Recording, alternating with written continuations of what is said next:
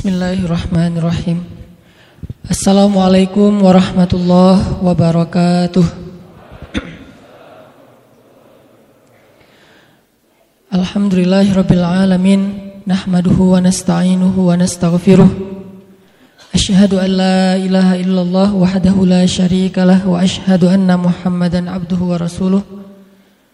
Radina billahi rabba wa bi Muhammadin nabiyya wa bil islami dina Rabbi syrah li sadri wa yassir li amri wahlul 'uqdatan min lisani yafqahu qawli. Allahumma salli wa sallim wa barik ala sayyidina Muhammadin wa ala alihi wa sahbihi ajma'in. Jamaah salat Isya dan tarawih yang dirahmati Allah Subhanahu wa taala. Dalam kesempatan Isya pada malam ini marilah kita renungkan satu hal yang cukup penting bagi kita terutama dalam hubungan kita dengan Allah Subhanahu wa taala.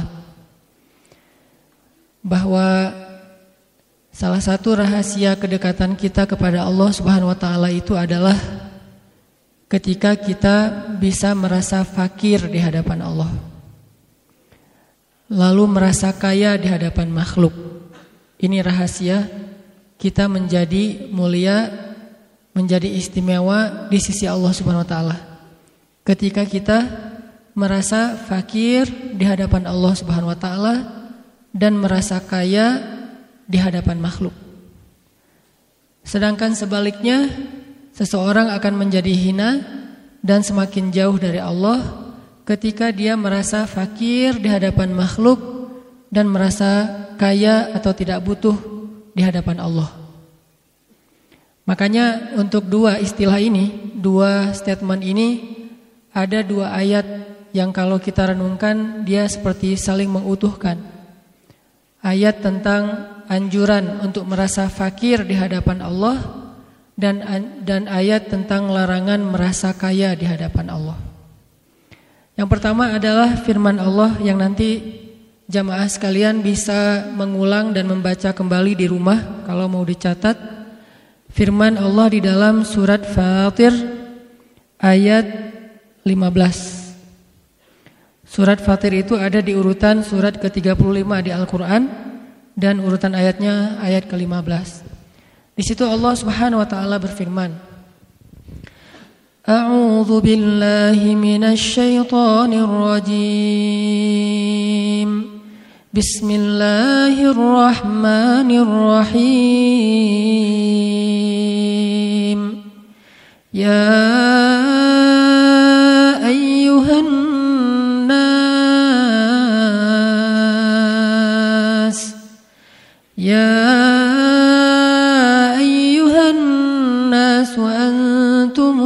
الفقراء إلى الله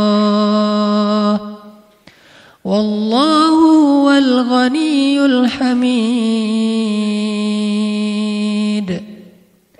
Wahai manusia Kalian adalah hamba-hamba yang fakir di hadapan Allah Sedangkan Allah dialah yang maha kaya lagi maha terpuji Antum fuqara'u ilallah. Kalian itu harusnya merasa fakir di hadapan Allah.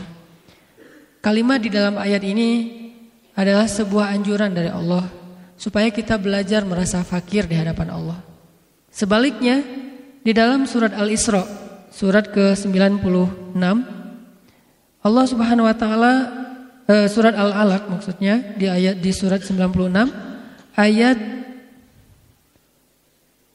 ke-6 Allah Subhanahu wa taala berfirman, "Kalla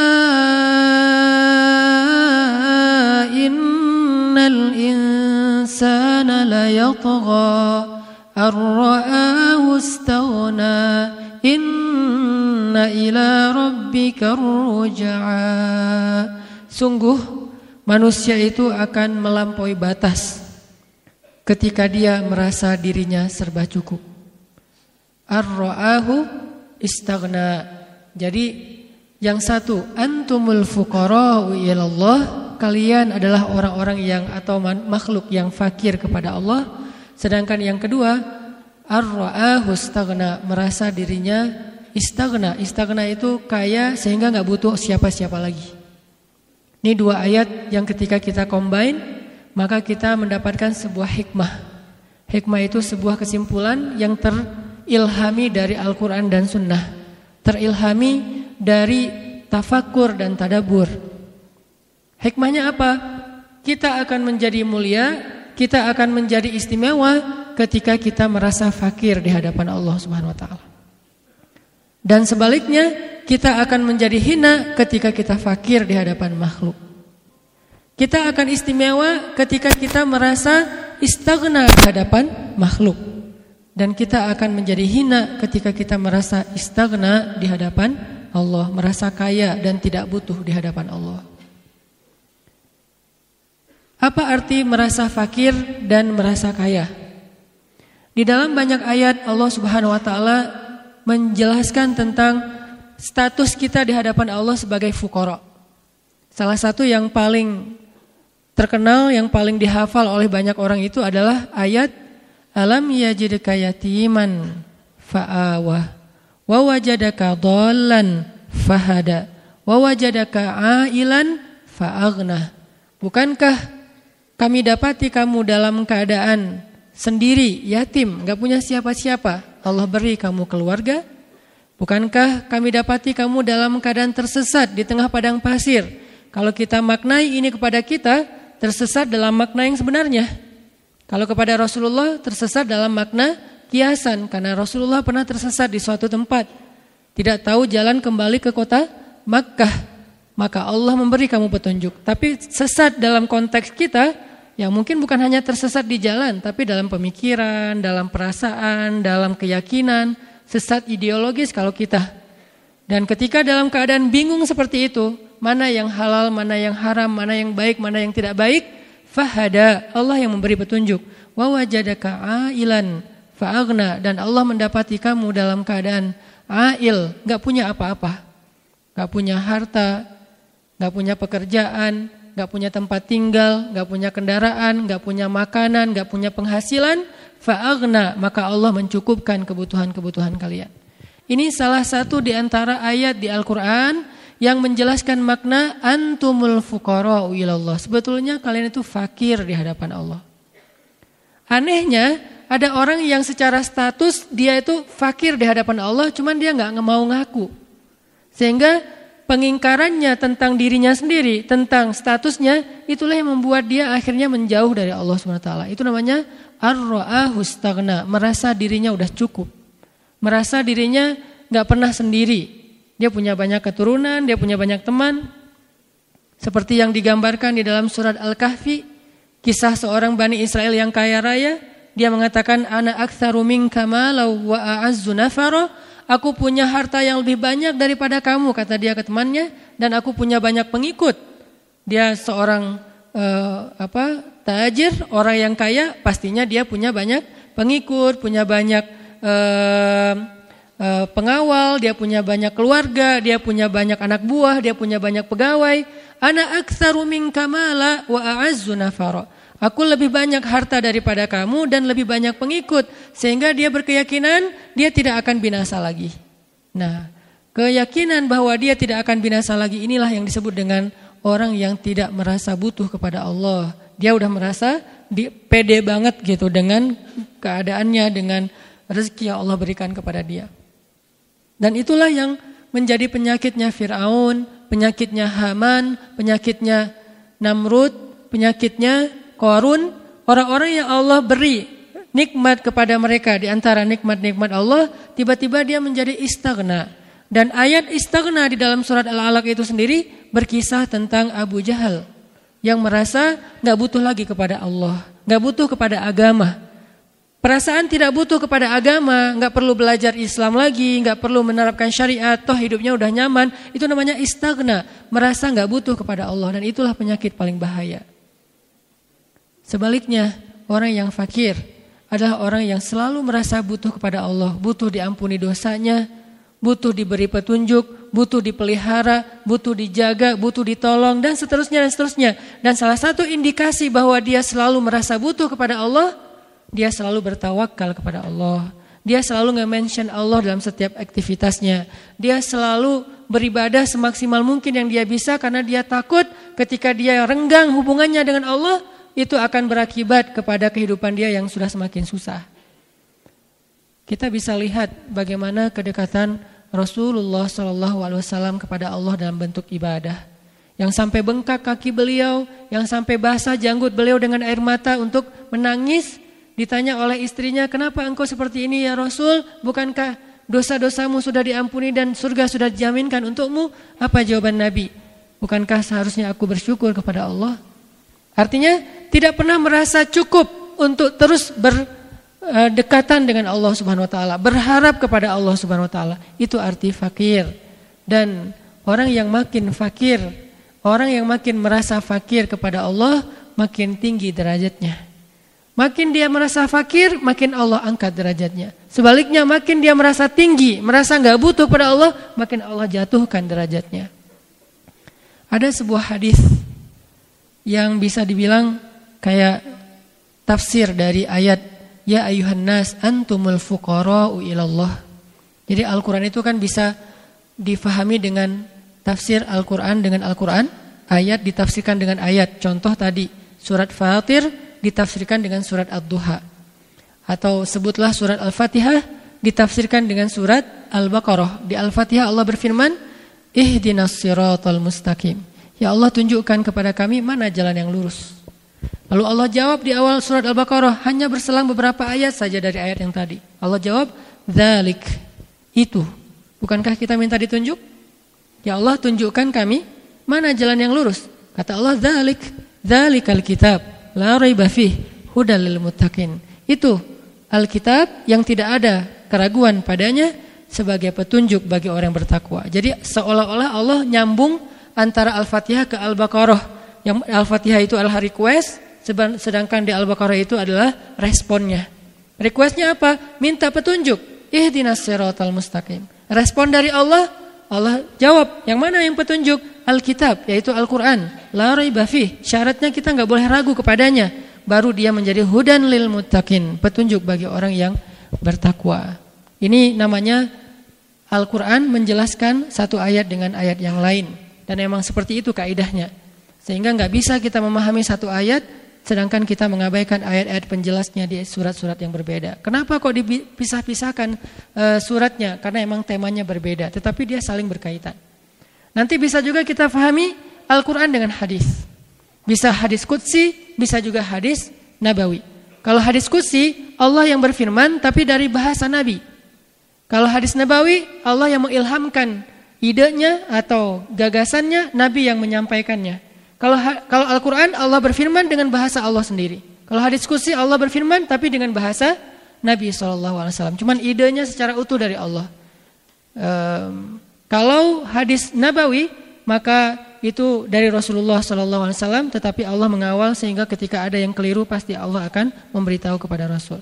Di dalam sebuah hadis qudsi yang diriwayatkan dari Abu Zar Al-Ghifari bahwa Rasulullah wasallam bersabda Allah Subhanahu wa taala berfirman. Ini hadis panjang sekali.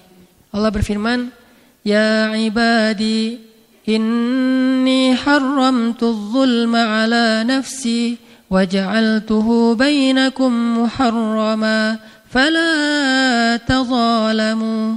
Ya ibadi, kullukum dhal illa man hadaituhu فاستهدوني أهدكم يا عبادي كلكم عار إلا من كسوته فاستكسوني أكسكم يا عبادي كلكم جائع إلا من أطعمته فاستطعموني أطعمكم يا عبادي إني لن تبلغوا ضري فتضروني ولن تبلغوا نفعي فتنفعوني.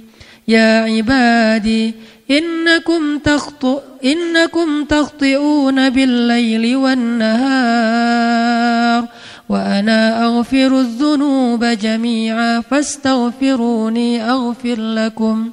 يا عبادي لو أن أولكم وآخركم وإنسكم وجنكم كانوا على أثقى قلب رجل واحد ما زاد ذلك في ملكي شيئا يا عبادي لو أن أولكم وآخركم وإنسكم وجنكم كانوا على أفجر قلب رجل واحد ما نقص ذلك من ملكي شيئا.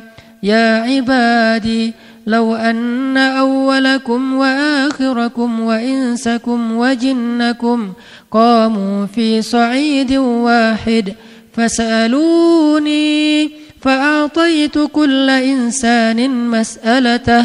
ما نقص ذلك مما عندي شيئا إلا كما ينقص المخيط إلى كما ينقص المخيط إذا أدخل البحر ما يا عبادي إنما هي أعمالكم أحصيها لكم ثم أوفيكم إياها فمن وجد خيرا فليحمد الله ومن وجد غير ذلك فلا يلومن إلا نفسه Hadis riwayat Muslim. Allah Subhanahu wa taala berfirman, "Wahai hamba-hambaku." Ini Allah langsung nge-broadcast kita kalau dalam bahasa sosial media. Kata Allah, "Wahai hamba-hambaku, sesungguhnya aku telah mengharamkan kezoliman terhadap diriku sendiri." Artinya Allah nggak pernah menzolimi siapa pun. Maka aku jadikan itu juga haram di antara kalian. Maka janganlah kalian saling menzolimi. Wahai hamba-hambaku, semua kalian itu adalah tersesat. Kecuali siapa yang aku beri dia petunjuk.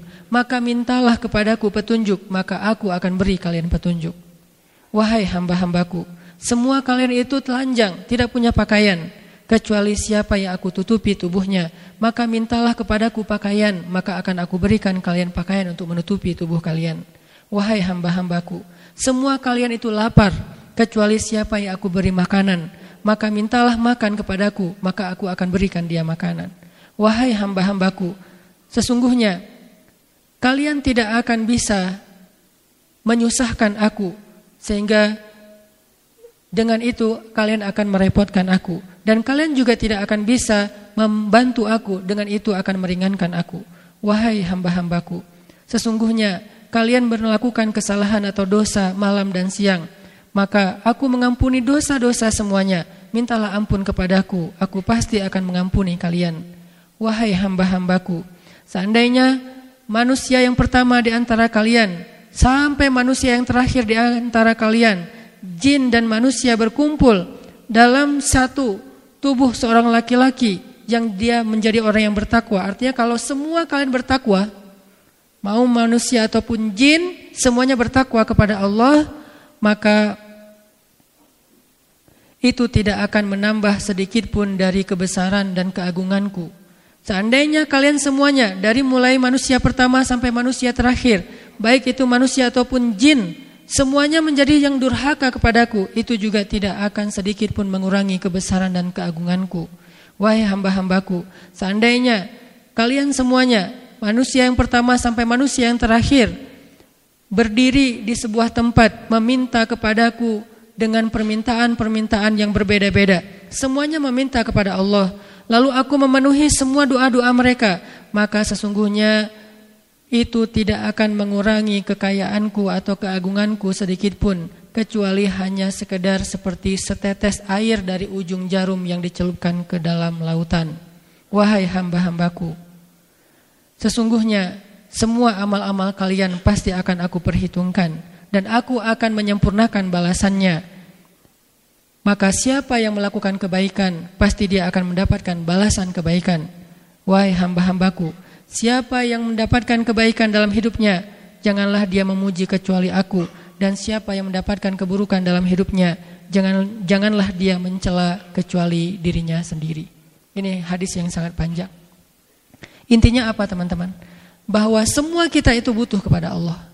Semua kita itu butuh kepada Allah untuk makan, semua kita itu butuh kepada Allah untuk pakaian, semua kita itu butuh kepada Allah untuk uh, diberikan petunjuk, semua kita itu butuh kepada Allah untuk ditolong dan segala macam urusan kehidupan kita. Allah hanya mengambil beberapa sampel kebutuhan kita. Yang intinya semua kita butuh Allah. Dan ketika semua kita bermaksiat kepada Allah Subhanahu wa taala, tidak mau taat, semuanya merasa sombong, nggak butuh kepada Allah, itu tidak akan mengurangi kebesaran Allah sama sekali.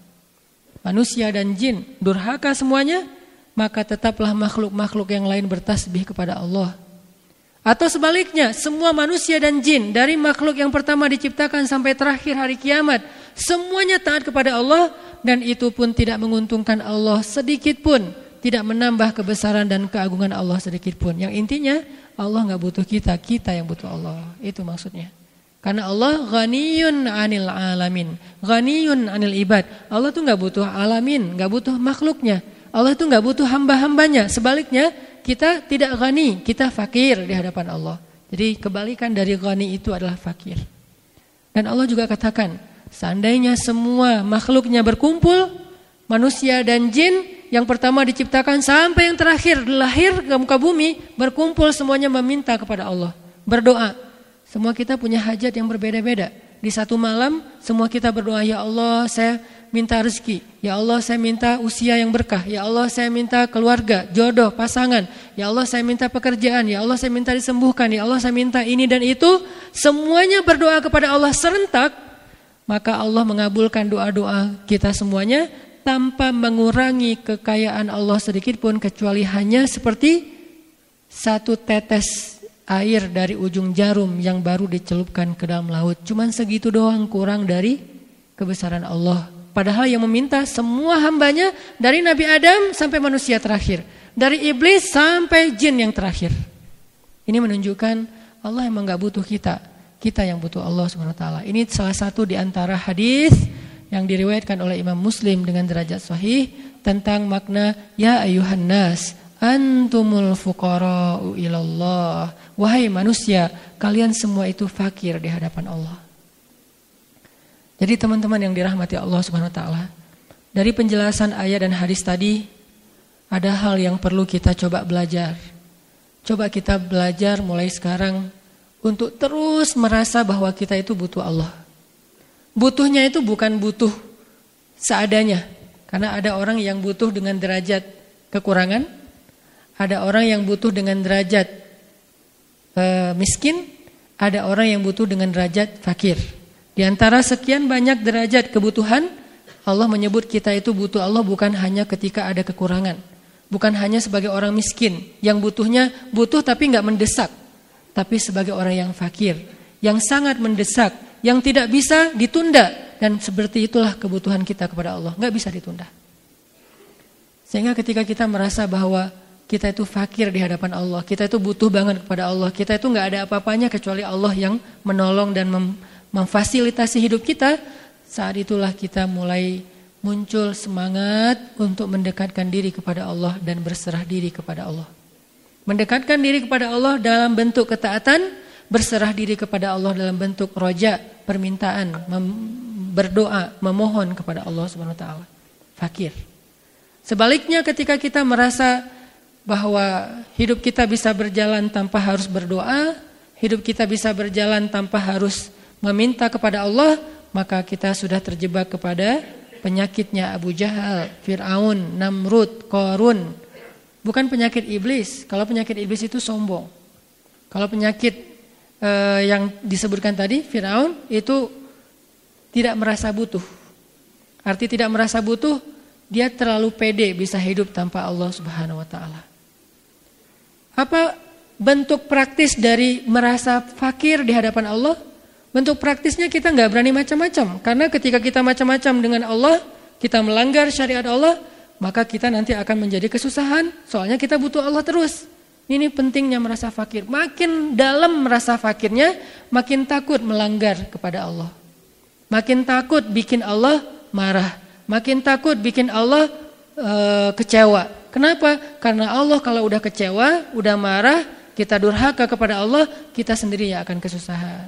Kenapa ada orang yang berani berbuat maksiat di hadapan Allah? Kalau ditanya, kamu yakin Allah melihat? Ya, dia tahu Allah melihat. Kenapa masih bermaksiat? Karena dia merasa bahwa dengan bermaksiat, hidupnya tidak akan ada apa-apa, tidak akan terjadi apa-apa. Hidupnya tidak akan menjadi susah, soalnya dia terlalu pede dengan kehidupannya. Ada orang ketika dia berbuat maksiat, kenapa dia berani dan tidak takut kepada Allah? Karena dia merasa bahwa setelah bermaksiat pun tidak ada yang berpengaruh terlalu besar dalam kesusahan hidupnya. Biasa-biasa saja.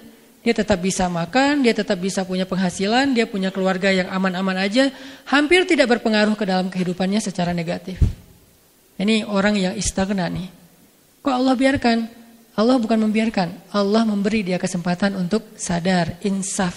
Bahasa Arabnya insaf. Allah memberi dia kesempatan buat insaf.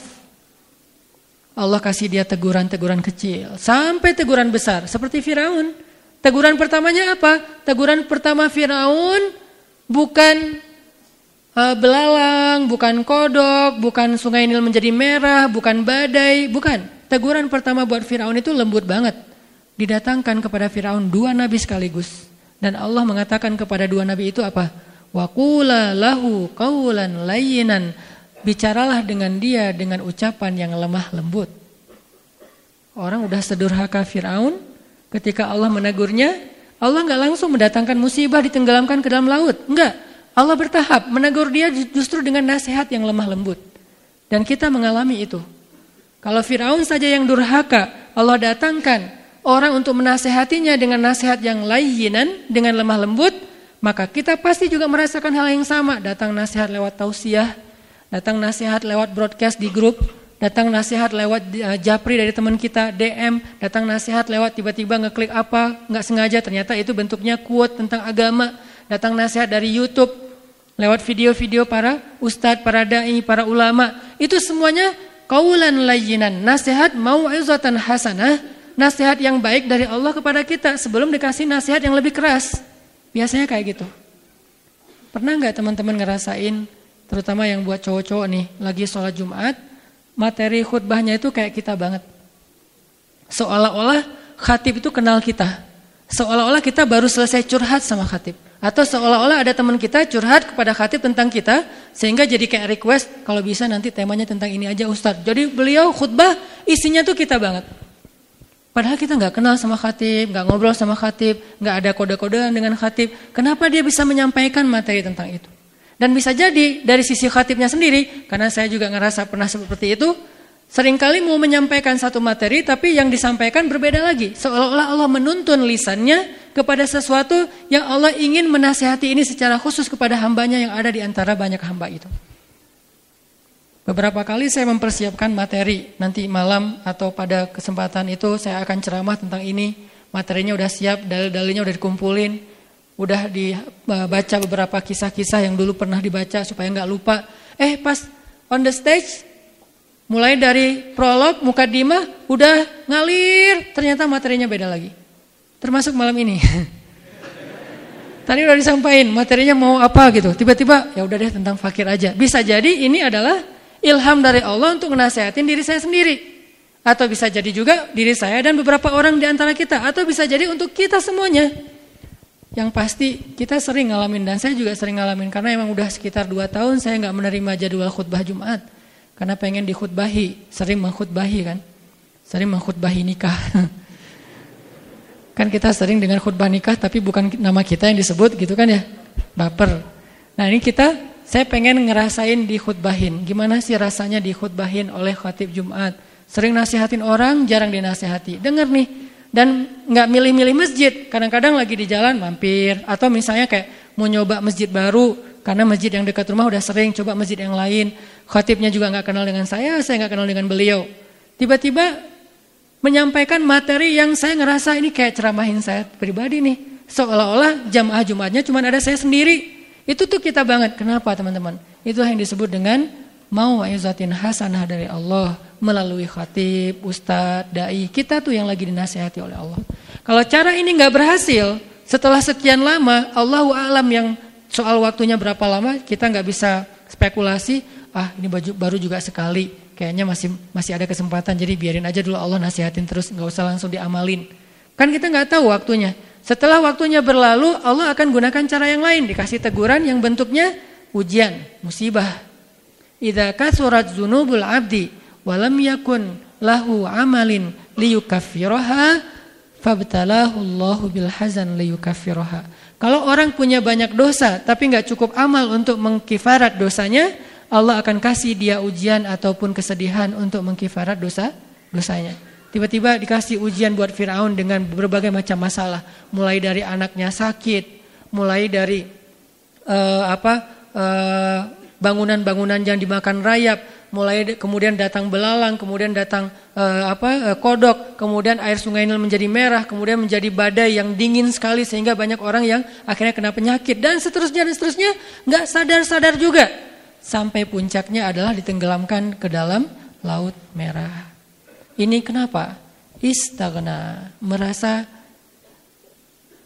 terlalu pede dengan dirinya sendiri, kekuatan fisiknya, pengawalnya, gengnya, eh, keluarganya, pengikutnya, keturunannya dan seterusnya, hartanya, jabatannya, kekuasaannya, dia terlalu merasa nggak takut dengan Allah dan nggak merasa butuh kepada Allah. Nah ini ini bahaya banget. Ini yang disebut dengan istagna. Kadang kita merasa seperti ini dengan dengan apa um, grade yang mungkin masih ringan, tapi ada rasa itu di hati kita, kayak nggak takut berbuat dosa, atau kayak nggak penting banget untuk menyebut nama Allah di awal kegiatan kita? Sesekali doang kita nyebut Bismillahirrahmanirrahim. Tapi biasanya enggak. Kalau naik kendaraan yang sehari-hari enggak. Geliran naik pesawat doa safarnya lengkap. Apalagi jenis pesawat tertentu gitu. Itu doa safarnya lebih banyak lagi gitu. Yang mungkin takut apa jatuh lah karena banyak track record pesawat ini sering jatuh. Jadi kalau naik pesawat itu Bismillahirrahmanirrahim. Subhanallah disakharana Sampai landing masih doa. Saking subhanallah ya, tawakalnya luar biasa. Tapi giliran naik pesawat yang uh, mungkin lebih uh, apa lebih lux, lebih mahal, lebih track recordnya jarang kecelakaan dan dikasih makanan pula di dalam pesawat, dia lupa dengan doa. Seolah-olah dia naik pesawat itu udah pasti selamat. Berarti dia mulai istagna di sini. Gak merasa butuh lagi kepada Allah ketika terfasilitasi hidupnya. Ketika dia mau jalan di siang hari, dia nggak doa. Ketika jalannya di malam hari, tengah malam, takut begal segala macam, doanya panjang. Ada juga yang siang hari doanya panjang, kenapa? Takut tilang, nggak bawa SIM gitu. Sampai auzubillahimin polisi. Aku berlindung pada Allah dari polisi gitu kan ya. Nah ini nih kenapa? Karena kita tuh baru merasa fakir kalau lagi ada sesuatu yang menurut kita mengancam.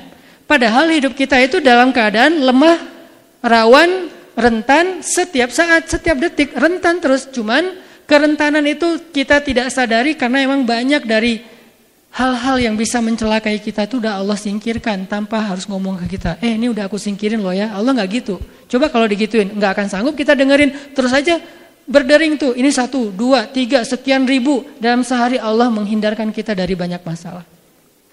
Kan jadi mengganggu ya. Kenapa Allah nggak ngasih tahu biar kita nggak salah paham? Kalau Allah ngasih tahu, per detik itu entah sekian ribu musibah yang udah Allah hindarkan dari kita. Jadi kita nggak bisa hidup dong terus-terusan aja dengerin dapat broadcast dari Allah nih satu dua sekian ribu sehari kan capek ngedengerin. Ya udah Allah ber, bekerja dalam diam. Kerjanya Allah apa? Dalam tanda petik.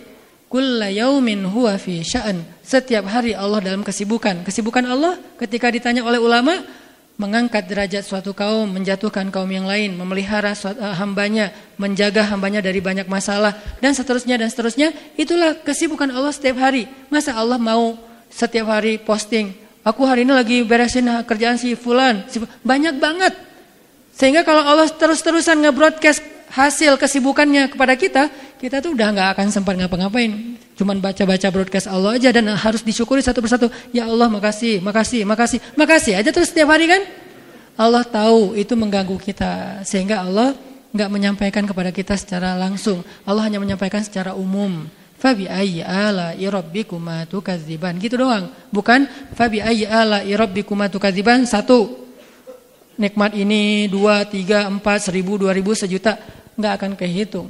Sampai Allah mengatakan, wa in ta'uddu ni'matallah la tuhsuha. Kalau kalian mau ngitung-ngitung nikmat Allah, kebaikan Allah, Allah menjaga kalian, menghindarkan kalian dari banyak masalah, la tuhsuha, nggak akan sanggup kalian menghitungnya dan ngabisin-ngabisin waktu. Allah nggak mau ngerepotin kita. Yuridullahu bikumul yusra wala yuridu bikumul usr. Allah pengen memudahkan kalian, Allah nggak pengen menyusahkan kalian. Cuman masalahnya gara-gara Allah nggak selalu nge-mention bab itu kepada kita, akhirnya kita jadi lupa seolah-olah kita nggak pernah ditolong sama Allah. Sesekali Allah ingatkan, sesekali Allah ingatkan. Itu teman-teman. Jadi kalau kita mau belajar dekat sama Allah, belajar merasa fakir. Merasa fakir itu dua. Satu, merasa butuh kepada Allah. Kedua, merasa nggak bisa apa-apa tanpa Allah. Setiap hari kita merasa kayak gitu. Orang makin fakir, makin panjang doanya. Dan makin panjang doanya, Allah makin suka sama dia. Karena Allah suka banget ketika hambanya meminta. Bahkan sampai Allah mengatakan di hadis kudsi, minta aja apa pun yang kalian butuhkan. Semuanya serentak nggak apa-apa, itu nggak akan merepotkan aku sama sekali. Dan kalau kalian pun bermaksiat, itu juga nggak akan bikin aku kekurangan keagungannya jadi terganggu, nggak sama sekali. Jadi Allah tuh nggak kayak kita ketika ada yang ngebully, heboh, terus eh, apa yang unfollow, panik gitu kan ya. Itu mah kita di unfollow panik. Apalagi yang unfollow dia panik gitu. Kalau di follow senang gitu, setiap hari dilihat berapa penambahan followers, uh, terus dihitung-hitung kalau ada yang dimention sama selebgram nambah followers 3000 dalam hitungan sekian menit gitu-gitu kan. Karena kita butuh followers, Allah nggak butuh followers. Kita follow Allah atau unfollow Allah itu nggak ngaruh buat Allah. Kita follow nggak nambah keagungannya. Kita unfollow, unfollow itu artinya murtad. Follow itu artinya converting to Islam misalnya itu nggak akan menambah keagungan Allah. Kita murtad, unfollow, nggak akan mengurangi keagungan Allah biasa-biasa aja, nggak ngaruh sama sekali. Justru yang ngaruh itu kepada kita sendiri. Jadi jangan sampai kita berpikir ya Allah, Allah senang kan saya sekarang udah beribadah nih, untung nggak sih buat Allah? Enggak. Jadi seolah-olah kita kesannya kayak udah kalau udah taat gitu udah berjasa gitu sama Allah. Ada kan orang yang merasa ketika dia udah taat jadi berjasa sama Allah. Terus pas dia kecewa dia tuduh Allah nggak fair. Udah gitu dia kecewa sama Allah, dia tinggalin lagi Allah. Pertama udah berhijab. Ngerasa bahwa saya udah berhijab nih ya Allah. Liatin nih, udah serius nih berhijab nih. Terus buat Allah untung gitu. Udah berhijab, ternyata dia mengalami ketidaknyamanan dalam hidupnya, dia lepaskan lagi hijabnya, kecewa sama Allah. Kalau kecewa sama makhluk boleh, tapi jangan Allah yang jadi kambing hitam. Jangan agama yang jadi kambing hitam pelampiasan. Silahkan kepada makhluk, walaupun itu sebetulnya juga nggak dibenarkan. Tapi masih Oke okay lah, karena emang apple to apple, dia bermasalah dengan orang itu ya udah ke orang itu aja. Jangan masalahnya dengan fulan, tapi yang diserang orang lain. Jangankan dengan Allah, dengan sesama kita aja kita nggak ngerasa nyaman kan?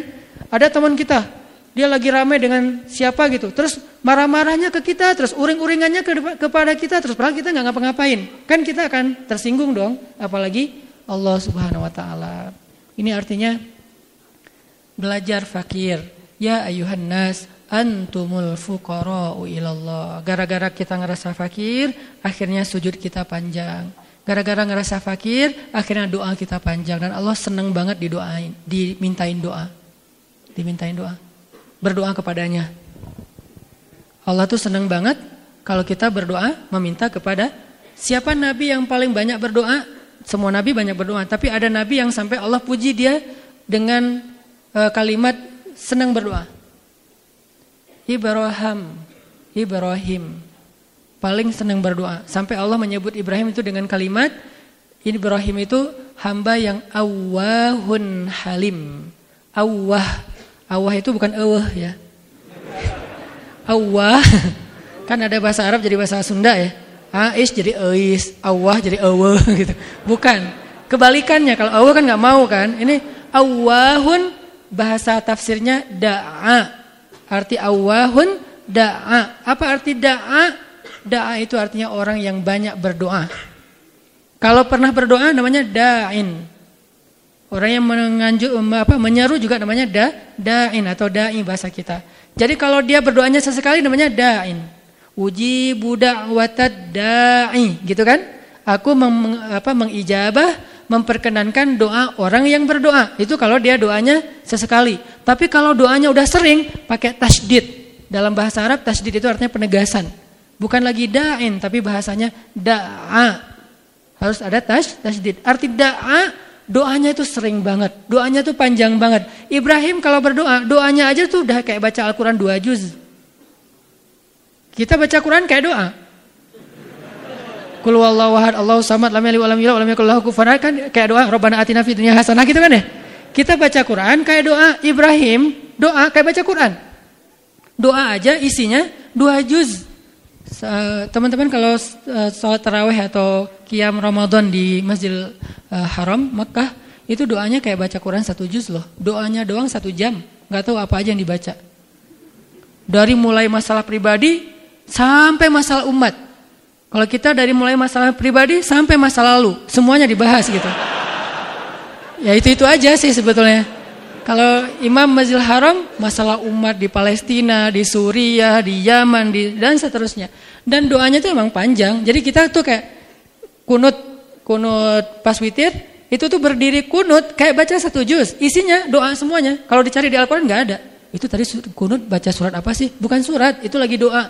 Nah ini namanya da'a. Dan Nabi yang paling panjang doanya, yang paling sering berdoa, salah satunya adalah Nabi Ibrahim alaihissalam. Sehingga Allah menyebutkan Nabi Ibrahim di Al-Quran dengan kalimat Awahun halim. Nabi yang banyak berdoa dan paling penyabar.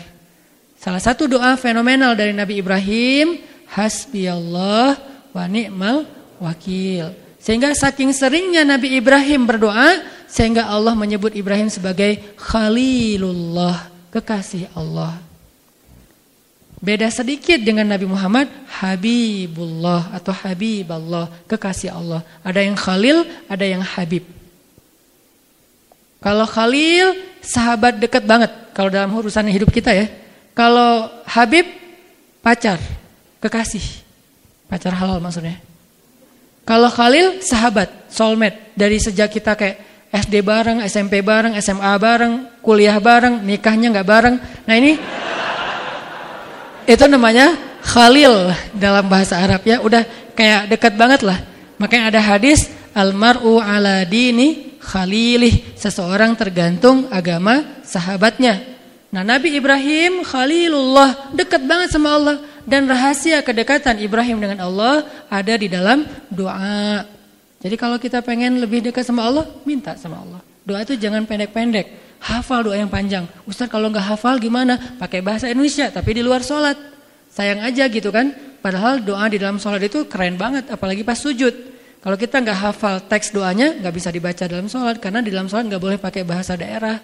Atau bahasa nasional. Lagi sujud. Ya Allah. Saya lupa nama orangnya. Tapi saya tahu akunnya. Nggak bisa. Kalau nggak salah akunnya apa ya? um, apa Dewi underscore apa gitu. Oh kosong kosong ya Allah, karena dia lahir tahun 2000. Di dalam sujud nggak boleh. Terus Ustadz kalau bahasa Arabnya apa itu? Sama aja. ya Allah, ini nasi itu apa gitu Instagram nggak bisa juga pakai bahasa Arab yang udah ada teks dari Rasul dan dari para sahabat. Doa minta jodoh ada teksnya, cari aja di Google. Kalau nggak ada di Google, cari di YouTube. Nggak ada di YouTube, makanya belajar bahasa Arab. Karena kalau kita nggak ngerti bahasa Arab, nyari di YouTube itu terbatas, hanya ceramah berbahasa Indonesia. Dia lagi, dia lagi gitu kan ya. Itu yang suka pakai kupluk. makanya malam ini nggak mau pakai kupluk. Nah, kalau kita ngerti bahasa Arab, kita bisa dengar syekh-syekh yang ilmunya lebih mumpuni, yang pembahasannya lebih dalam insya Allah. Itu teman-teman, jadi yuk kita belajar fakir, selalu butuh kepada Allah. Karena emang nyatanya emang kita butuh sama Allah. Dan perasaan butuh kepada Allah itu nggak mengganggu Allah. Jangan salah paham. Ah nggak nggak enak ah sering minta sama Allah. Allah sendiri yang bilang di hadis kursi, minta aja nggak akan ganggu kok. Kulla yaumin huwa Allah selalu sibuk ngurus kalian jadi ngapain kalian merasa mengganggu Allah enggak sama sekali atau kita ngerasa kayak Udahlah hal-hal sepele nggak usah minta ke Allah yang berat-berat aja. Kata Nabi, minta kepada Allah walaupun cuman garam. Nah justru ketika kita nggak meminta kepada Allah, berarti kita punya indikasi sebagai orang yang tidak merasa butuh pada Allah. Istaghna wal billah. Itu aja yang bisa saya sampaikan. Nanti teman-teman bisa ngulang lagi ayat ini. Surat Fatir, surat Al-Alaq, dan surat Ad-Duha. Barakallahu fiqh. Assalamualaikum warahmatullahi wabarakatuh.